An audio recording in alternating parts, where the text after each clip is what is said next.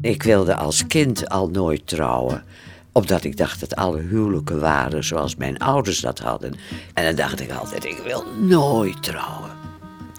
Ik wil nooit trouwen. Vandaar ook dat ik altijd relaties had met heren met wie ik niet kon trouwen. Daar heb ik toch wel eens schuldgevoelens over. Ja, dan denk ik. Eh, vergeten, niet meer overdenken. Ze zijn nooit bij hun vrouw weggegaan en. Uh, nee. Soms komt het nog wel eens op. maar toen niet. Dit is Het leven een gebruiksaanwijzing. Met verschillende verhalen van mensen die elkaar niet kennen, maar die op de een of andere manier met hetzelfde probleem worstelen. Ik ben Margot Boer, 85 jaar oud en ik heb alles al een keer meegemaakt. Dus ze hebben mij gevraagd dit programma te presenteren. Aflevering 4. Hoe je niet schuldig te voelen. Een programma van Prosper de Roos en Anne de Vromen. Kijk, zo een beetje marinade erop. Goed er doorheen. Dit zijn uh, kipperdijtjes. Ja, dat zijn nogal wat kippertjes. Hoeveel man is dit? 250 man uh, ben ik vandaag mee bezig. Wij zijn in de keuken van Caspar Burgi. Hij is chef-kok, heeft zijn eigen cateringbedrijf en vertoont zijn kookkunsten op televisie. Ja, dus we krijgen een beetje kip. Zelf als een kip geslacht? Ik heb zelf wel eens een kip geslacht. Ja, ik heb zelf ook wel eens dieren geschoten. Maar dan echt alleen om, uh, om gewoon direct op te eten. Dat hoort er gewoon allemaal bij. Vind ik. Ja. ja we gaan kreeft klaarmaken. Heel levende kreeft. Ik vind kreeft een van de allermooiste dieren die er bestaan.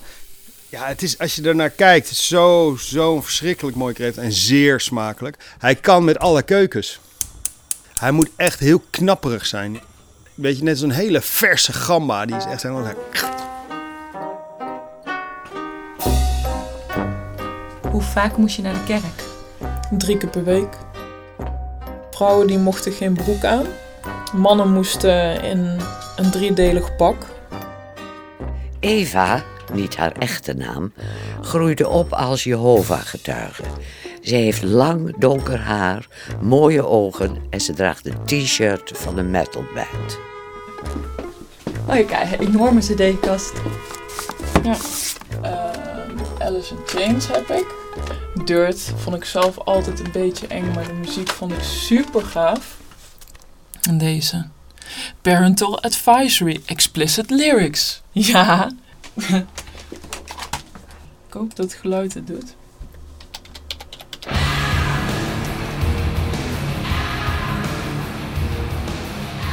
Nou, ik had op een gegeven moment had ik ehm, best wel interesse in rock en metal muziek. Maar ja, tijdens de vergaderingen van Jovens Getuigen werd toch wel regelmatig benoemd dat juist rapmuziek en metal echt werktuigen zijn van de duivel. En dat je dat beter niet in huis kan halen. Maar ik had toch die CD's gekocht, omdat ik het mooi vond. En dan voelde ik me schuldig dat ik zo'n CD had gekocht. Dus als ik een CD heb gekocht, dan riskeer je eigenlijk jouw plaats in het paradijs.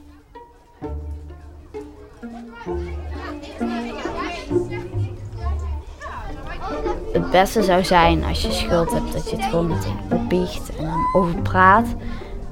Maar sommige mensen doen dat niet.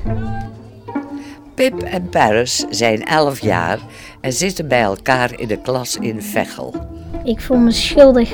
Als mijn vader bijvoorbeeld iets maakt en dan heb ik ineens geen honger meer. Vind ik het gewoon jammer van die moeite die hij heeft gedaan. En helemaal, is hij bijvoorbeeld helemaal blij dat hij dat helemaal goed heeft gedaan. En dat soort dingen. Dan vind ik dat best verdrietig. Als uh, ik dan uh, geen honger heb of daar geen zin in heb. En dat zeg ik dan op dat moment ook niet. Ja, dat mijn vader dan weer dat schuldgevoel krijgt over dat hij het verkeerd heeft gedaan. Ja. Dus dan eet ik het meestal gewoon op. Dan op elkaar. Even door de zure appel bijten.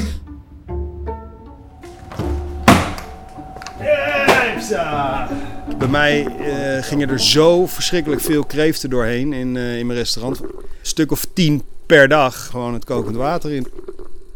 Is, is natuurlijk niet de allermooiste dood die je kan voorstellen. Ja, op een gegeven moment zijn het, zijn gewoon te veel kreeften. Heb je gewoon zoveel kreeften eh, vermoord, als het ware. Dan voel je je best wel schuldig op dat moment. Want je hebt best wel zoiets van, jezus, hij heeft zo'n mooi dier. Als je een kreeft ziet, Oost-Scheldekreeft is zwart met blauwe vlekjes. Zit een hele harde panzer omheen en eh, hij heeft een beetje punten op zijn scharen. Mensen zijn een beetje bang voor hem. Het mooie is, weet je, zo is die kreeft eigenlijk helemaal niet. Eh, Eens in de zoveel tijd breekt een kreeft zich open, helemaal. Dus trekt hij gewoon zijn jas uit. Dan is het een weekdier. Dan is, hij zo zacht als, ja, als, een, als een kwal, zou ik maar zeggen. Dus hij is een hele korte periode is hij echt het meest kwetsbare dier de zeebodem. Terwijl hij de rest van de tijd is natuurlijk de koning. Want niemand kan hem bijna open kraken.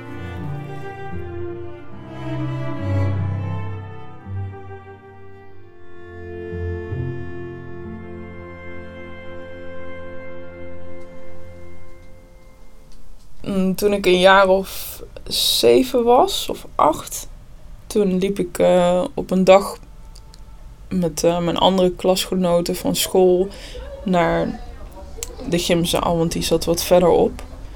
En het weer was al wat grijs en somber. En Toen kreeg ik een heel naar gevoel van wat als nu Armageddon uitbreekt.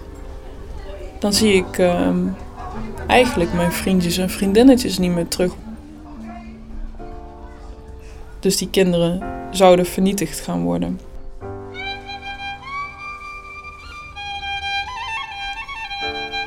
Dan heb je toch een soort van schuldgevoel van ja, dan is het mijn schuld ook deels dat mijn klasgenootjes eh, doodgaan. Want ik heb misschien niet genoeg gepredikt. Zodat zij ook Jovens getuigen worden. Waardoor ze gered worden en dan kan ik samen met die vriendjes en vriendinnetjes en hun ouders naar het paradijs. En dan is alles goed. Je hebt eigenlijk twee soorten schuld. Je hebt schuld, waarom heb ik het gedaan? En het schuldige van, waarom heb ik het juist niet gedaan?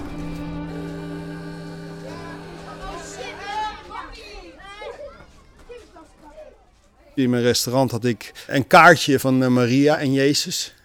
Echt zo'n ingekleurde kaart uit de jaren twintig. Zo'n dingetje, helemaal blauw en geel. Ja, nou ja, de kreeft, nou ja, er worden twee kreeften besteld. Je haalt hem uit de koelkast. Je zorgt dat het water kookt of eh, voordat je hem doorsnijdt om hem op de grill te leggen, wat je natuurlijk ook vaak deed. Wat ik dan deed was eerst de kreeft eh, eh, ja, een soort kruis slaan voor Maria en dan gingen ze gewoon het kokende water in. Zelfs al was het hartstikke druk, hè, dat deed ik dus bij elke kreeft. Ja, een soort kruis slaan voor Maria. Nou, en dan kreeg hij het mes. Of het kokend water. Terwijl ik ben een atheïst, weet je, ik geloof niet eens in, eh, in Maria of God. Maar ja, weet je, het is in ieder geval wat. Weet je, je doet in ieder geval wat.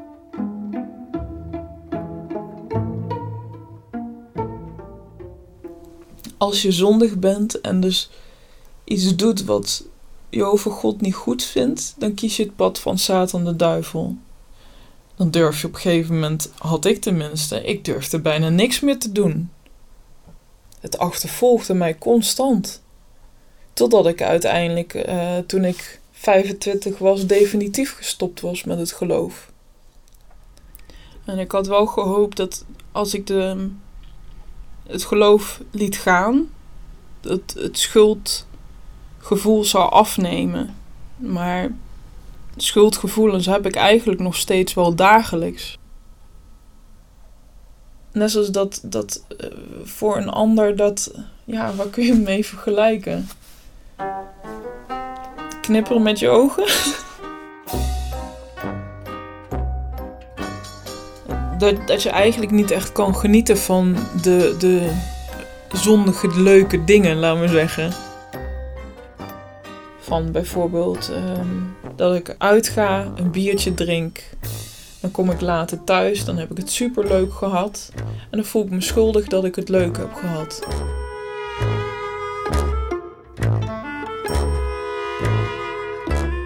Kruisje slaan, dat is ook een manier van, om je schuldgevoel, uh, ja, om, om er een beetje vanaf te komen. En werkte het voor jou? Ja. Nou ja, weet je, je blijft je schuldig voelen. Dat is het. Je blijft je schuldig voelen. Het maakt niet uit wat je doet. Een schuldgevoel kan je niet zo goed afkopen of afbezweren. Of, uh, weet je, je voelt je niet voor niks ergens schuldig over. Kijk, maar je doet het niet met een oester. Dus deed ik het dan weer niet. Weet je wel? Terwijl, ja. Ja, en, kre en kreeften, ja, ik heb daar gewoon wel mee. Ik weet ook niet wat het is. Naast de negatieve dingen, je leert wel anders te kijken tegen de wereld.